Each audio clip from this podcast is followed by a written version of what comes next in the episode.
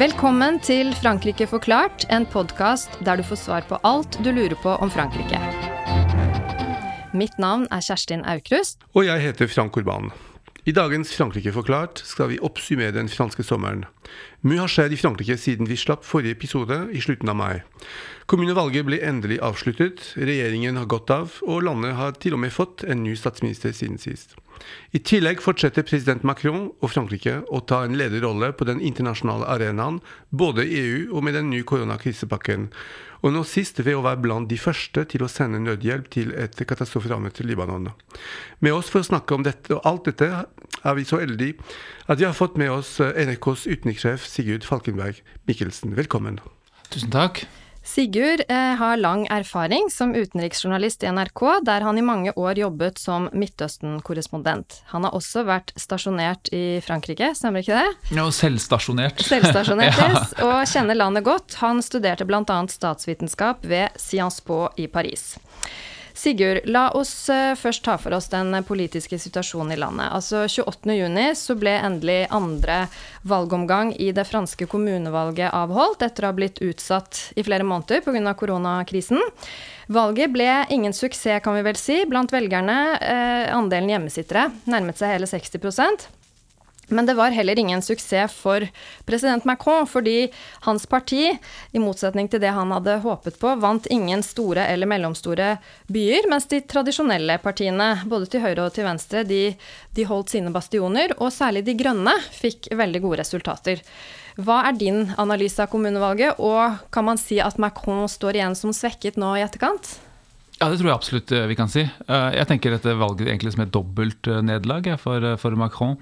Eh, på den ene siden så er det et nederlag i krisehåndtering. Altså det at de presset gjennom den første runden uh, mens koronakrisen var på vei oppover, framstår jo uh, i ettertidens lys som uklok, syns jeg. Altså at det satt på en måte franske velgere i en veldig skvis mellom det å stemme og det å utsette seg for smittefare. Og det var ganske tydelig når det dro seg til mot valget. Så der, der syns jeg de sviktet i, i, den formen for krisehåndtering. Uh, og så gikk det jo da eh, tre måneder, eller over tre måneder til de fikk gjennomført andre runde. Uh, og da hadde jo skjedd, skjedd mye. Men da kom på en måte det politiske, det politiske regnskapet som skulle gjøres opp. og da er jo Det er jo ikke uvanlig at franske presidenter går på et nederlag i disse mellomvalgene. Men for Macron så var dette her utrolig mye viktigere, fordi det var den første store sjansen for å se om han klar, kommer til å klare å etablere en sånn sentrumspolitisk kraft. For å få til det på litt sikt, for å ha noe som for å ha noe å lene seg på inn mot presidentvalgkampen, eh, så hadde han hatt veldig behov for å få en ordentlig partiorganisasjon med i hvert fall noen byer. Eh, men litt ironisk da, så er den eneste som klarte å, gjøre det bra, var hans nå avgåtte statsminister, Edouard Philippe, som, som klarte å, å, bli borgermester eller, i Le Havre. Bortsett fra det så gikk han jo på nederlag på nederlag, og særlig Paris må jo være bittert. Det var, det var jo total kollaps. Mens vi er inne på det, Edouard Philippe, altså avgått statsminister. Frank, hva heter den nye statsministeren? Uh, Jean Castex. Jean Castex er et spørsmål om, om den nye statsministeren. Altså den um, populære statsministeren Edouard Philippe. Han ble byttet ut med, med en relativt ukjent ny statsminister. Det skjedde 3.7. Uh, hvilken funksjon har slike bytte av statsminister hatt for en sittende regjering og presidenten tradisjonelt sett? Hva, hva, hva sier dette om rollefordelingen mellom statsministeren og presidenten? For det første så må jeg bare si at det, dette, jeg tror det er første gang i hvert fall i voksen alder jeg måtte google uh, statsministeren. Det var et helt ukjent navn for meg. Uh, og det var det for mange franskmenn òg et sånt et bytte der uh, er, jo, det er jo det sto, fremste verktøyet uh, en president har for å, å markere en politisk uh, endring. og det er jo et helt, helt vanlig grep at upopulære presidenter under press i en eller annen retning bytter statsminister.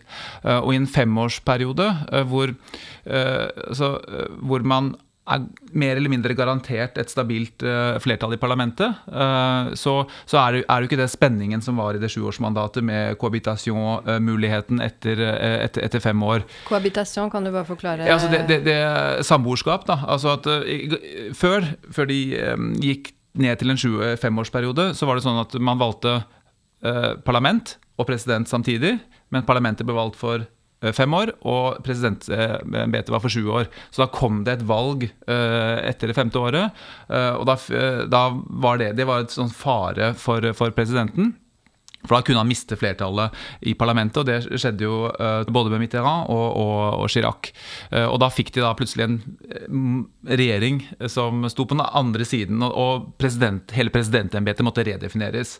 og så gikk de da ned til en sånn femårsperiode. og da ble den faren borte, men det gjorde også at Eh, de eh, har si, mindre mulighet til å justere, annet enn ved å skifte på, på, på, statsminister. Eh, og det er det som skjer nå.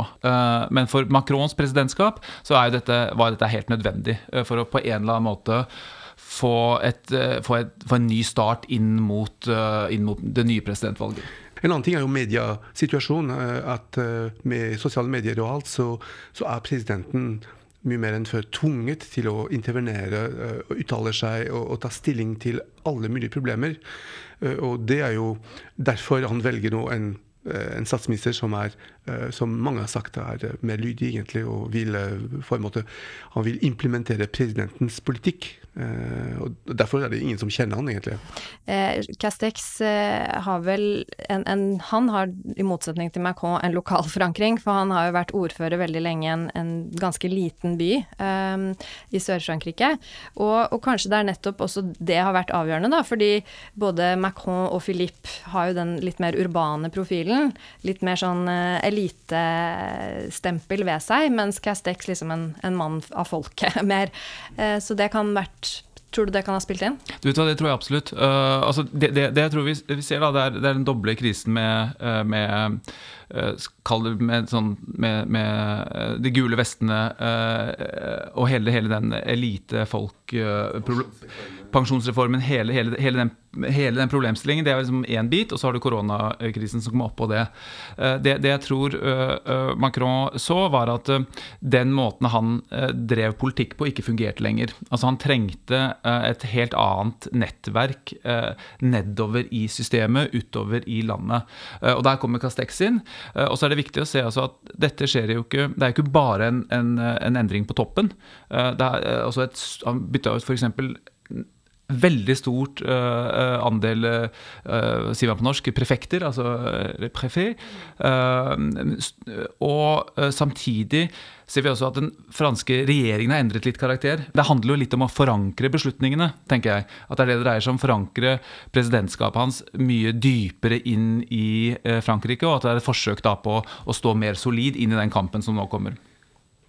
Castex han blir omtalt som en sosialgolist, og jeg syns det er veldig det sånn konsept. Uh, jeg, hvis man skal forklare det, så kan man tenke at, uh, at, man, prioriterer, at man, prioriterer, en sterk stat med en sentral rolle, uh, som ivaretar på en måte velferden i landet. Og, og, I motsetning til den tidligere identiteten til Macron, kanskje til regjeringen, som er mer preget av jeg skal ikke si sosialliberalisme, men i hvert fall liberalisme det byttet her av statsminister og den nye stien som Macron har snakket om Det var ikke snakk om å endre kurs, men å endre sti.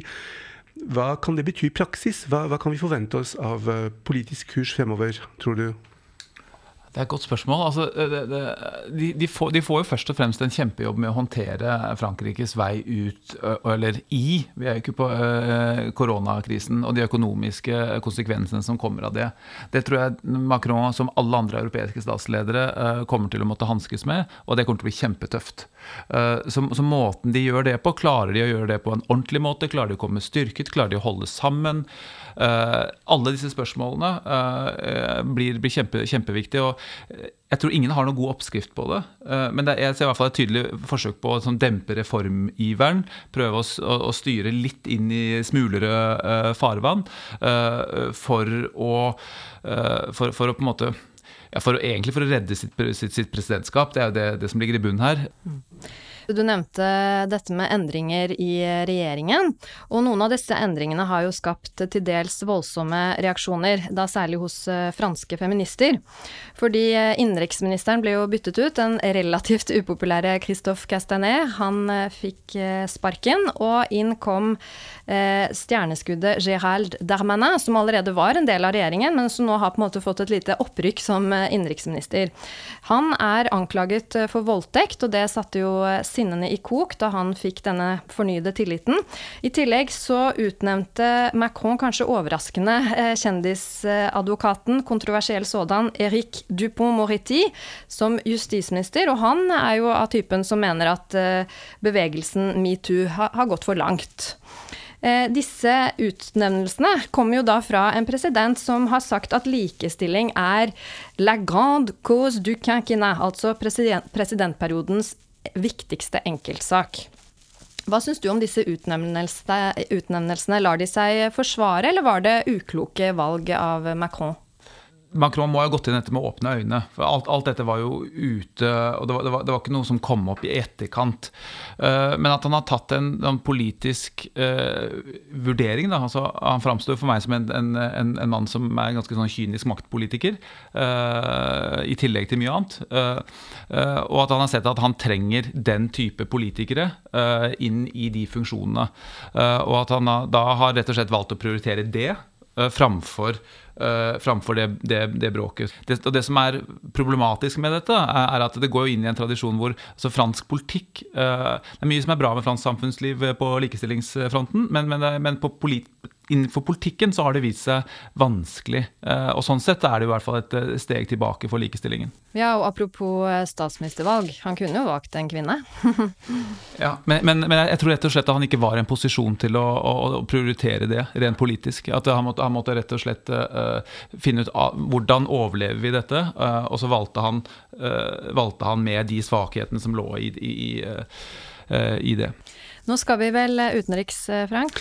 Det skal vi. Eh, først er det interessant å se litt på hvordan Macron, hvilken rolle han spilte i løsningen av koronakrisen på EU-nivå. Vi snakket om den, den, pakken som ble vedtatt, og, og han høster en del ære for det. Hva syns du den æren har fortjent, eller hvilken rolle har han hatt egentlig i den konstellasjonen som består av 27 EU-land med britene ute? Han fronter jo politi den, den, politikken som EU nå ned på, er, kom, falt ned på, er jo noe han har ønsket seg. Så Sånn sett var det en politisk seier. Det å, å skape et felles EU-budsjett uh, og det å, å, å, prøve å sy dette sammen til en kraftigere politisk enhet er definitivt hans store prosjekt. Det var noe av det som var så oppsiktsvekkende med valgkampen i 2017, at han faktisk gikk til valg på et europeisk tema. Det er jo ingen som har tort å gjøre før han. Eh, så, så sånn sett, så det var, det var, et modig grep da. Og det at han får, får til dette nå, uh, definitivt en, en seier, politisk seier for Macron. Han framstår uh, internt i Frankrike og også for, for, for, i resten av Europa som, som en tydelig politisk leder. Men så er det sånn i, i, i EU at det er jo Angela Merkel som sitter tross alt da, og, og balanserer og, og, har det siste ordet i veldig, av, veldig, mye av det grunnarbeidet som må gjøres for å få med seg alle 27. Eh, men det, eh, det som har vært interessant å se, er jo også eh, at etter brexit, eller vi er jo oppe i brexit, så, så, så ser man også det fransk-tyske paret og den fransk-tyske motoren i EU. Etter etter en del personmotsetninger mellom Merkel og Macron, uh, begynne å fungere igjen. Så Det tenker jeg også er et sånt interessant og ganske strukturelt uh, fenomen ved EU, at det kommer vi til å se, se mer av. Så har man snakket uh, i en årrekke nå om det skillet, øst-vest-skillet EU, men vi ser også at det, at det eksisterer et nord-sør-skille når det gjelder hvor solidarisk man skal være overfor medlemmer som sliter litt mer økonomisk. Mm. Og Der var det den konflikten, den store personkonflikten gikk jo mellom Macron og Rutte, altså Nederlands statsminister Mark Rutte. Det var, det var jo der Macron etter sigende slo i bordet med neven. altså der, der var det jo temperatur. og da fronter jo på en måte Macron det sørlige Europas kamp. For, for, økt solidaritet mot et mer, mot et mer gjerrig nord, da, som, som, ble på en måte frontene. og Frankrike ligger jo på en måte i den midt, midt imellom. Altså de, de, har, de, har, en komponent som, som, som, ligger ganske godt mot nord, og de, har, de er definitivt et middelhavsland på, på, på, mange andre måter. Så jeg tenker sånn sett så er det, er det, er det naturlig at de tar den rollen. Eh, men, eh, men, jeg tenker også for hans stilling og forhold til Italia og Spania, som heller, eh, kanskje særlig i forhold til Italia, har vært litt trøblete, og er det også utenrikspolitisk fortsatt, så, så, så ble nok det godt mottatt uh, i de store landene uh, sør i Europa. Mm. Nok en gang så fungerer Macron bedre utenrikspolitisk enn innenrikspolitisk, og det er jo et paradoks på en måte. La oss snakke litt om Midtøsten, særlig om, om Libanon. Dagen etter eksplosjonen i Beirut sendte Frankrike hjelpearbeidere, leger, store mengder medisinsk utstyr. President Macron reiser straks til Libanon, bl.a. for å møte president Michel Aoun, og gjentok sin oppfordring til, til de libanesiske myndigheter til å, om å hjelpe det internasjonale samfunn til å hjelpe dem. Hvorfor reagerte Frankrike så kjapt, og hvorfor var det så viktig for Macron å dra til Libanon? Hvordan ble det besøket mottatt av libaneserne? Eh, Frankrike, Frankrikes opptreden blir eh, tatt godt imot, men samtidig så, så, blir det også kritisert for å være preget av kolonialistisk tenkning. Eh, kan du si litt om, om, om, om kanskje forholdet mellom de to, de to landene, og hvordan, hvordan Macrons besøk kan tolkes? Ja. Uh Altså, det, det, skjedde jo raskt. Altså, det skjedde jo Dagen etter uh, så det, gikk Macron i uh, gatene i Beirut. Uh, og jeg ser vel på dette besøket som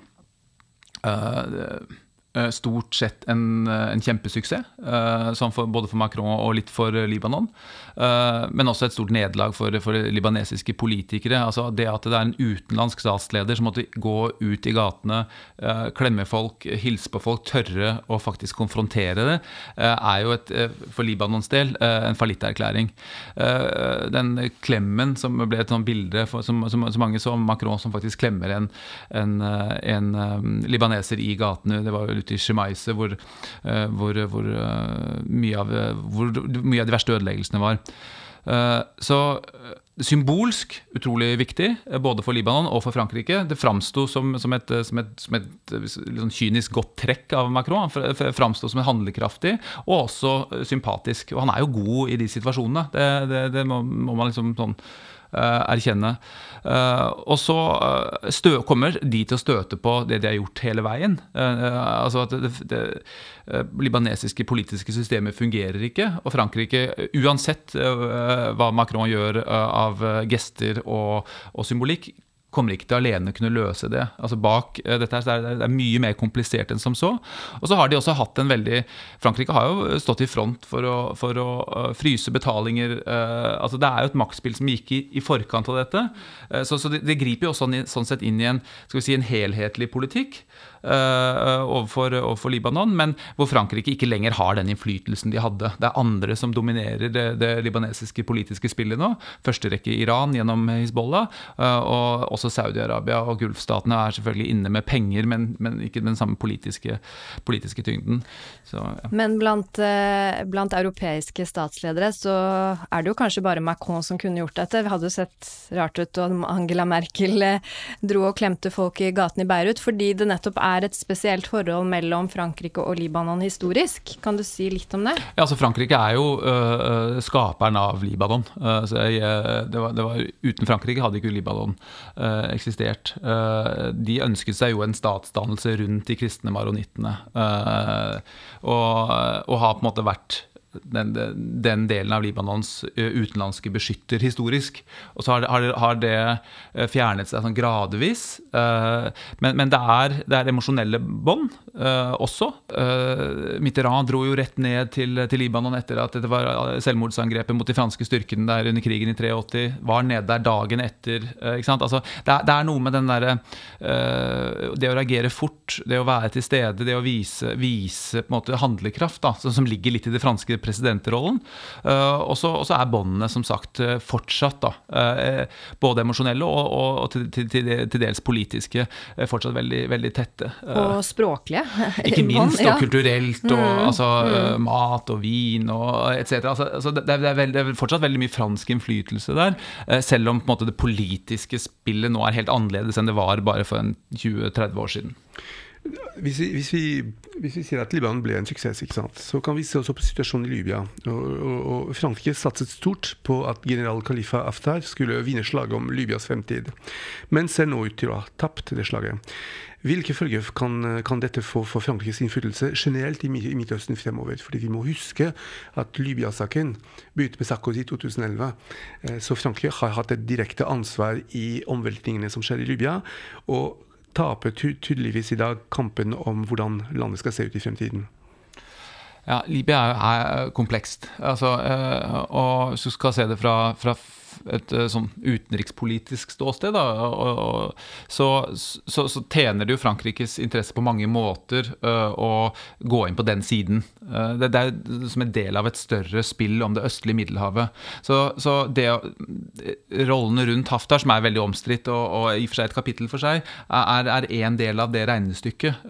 Og selv om de de ikke gikk helt som de hadde tenkt, så er de fortsatt ikke heller helt tapt. Uh, så er de plutselig uh, da i en allianse med Egypt og Russland. Så, så, så, sånn det, det, er en del av et sånt, et sånt puslespill som er veldig, veldig komplisert, uh, og som ble enda mer komplisert nå fordi Hellas og Tyrkia også er dratt inn i en, i en stadig økende ordkrig, og hvor franskmennene der har gått inn nå denne uka med, og sender jagerfly til Stasjonerer de i, i Hellas. Og, så, så konflikten med Tyrkia uh, er, eh, som vi også da ser i Libya, for Libya er jo da todelt. ikke sant? Altså Haftar uh, i øst og den tyrkiskstøttede og FN-godkjente regjeringen uh, i vest. så, så det, det, er etter hvert ut utvikle seg til et sånn storpolitisk spill om det østlige Middelhavet, så Frankrike da står med begge bena planta i, på godt og vondt. Uh, og så har jo fortsatt ikke, uh, selv, selv, om Haftar ikke vant, så har de heller ikke helt tapt. Uh, så vi får se hvordan, hvordan, det, hvordan det utvikler seg. På slutten av hver episode så ber vi vår gjest om å komme med en eh, fransk eh, anbefaling. Hva, hva er din anbefaling til våre lyttere, Sigurd? Jeg tenkte på dette på, på veien. Det er en utrolig fin eh, sensommerdag i Oslo. Og da tenkte jeg hva, hva Da tenkte jeg det må jo være Erik Romers En 'Un som, som, passer til liksom, å Om ikke sitte inne og se på noe, men i hvert fall på et eller annet tidspunkt se på. som er en film fra ja, midten av 90-tallet som handler om en ung ung manns uh, uh, sentimentale reise, uh, en sommerferie i Nordvest-Frankrike, i Normandie, i Dinard og Saint-Malo. Så er det veldig sånn romer. Flyter av gårde, mye, mye dialog og, og, litt sånn Novel Vague-aktig inspirert, men, men, i en forholdsvis moderne, moderne og poetisk drakt. Ja, så hvis man ikke kan eh, reise fysisk til Frankrike, så kan man i hvert fall reise dit via film. Absolutt. Frank, har du også en liten anbefaling? Ja, det har jeg, Kjerstin. Eh, Macrons besøk til Libanon fikk meg til å tenke på en eh, bok om dette tette forholdet mellom de to landene. Eh, boken heter 'La France au Liban et au Proche-Orient du 11e au 21e siècle', så Frankrike, Libanon og i Midtøsten fra det 11. til det 21. århundre. Boken er skrevet av Ibrahim Tabet eh, og kom ut i 2013. og Den tar også for seg betydningen av Midtøsten for Frankrike i et historisk perspektiv, noe som vi nettopp har snakket om. Referansene ligger selvsagt på vår Facebook-side. Takk for det. Da gjenstår det bare å takke vår gjest, Sigurd Falkenberg Mikkelsen, så høres vi igjen i neste episode av Frankrike forklart. Au revoir! Denne podkasten er et samarbeid mellom Universitetet i Oslo og Høgskolen i Østfold. Abonner på Frankrike forklart på iTunes, Spotify eller på andre plattformer der du lytter til podkast.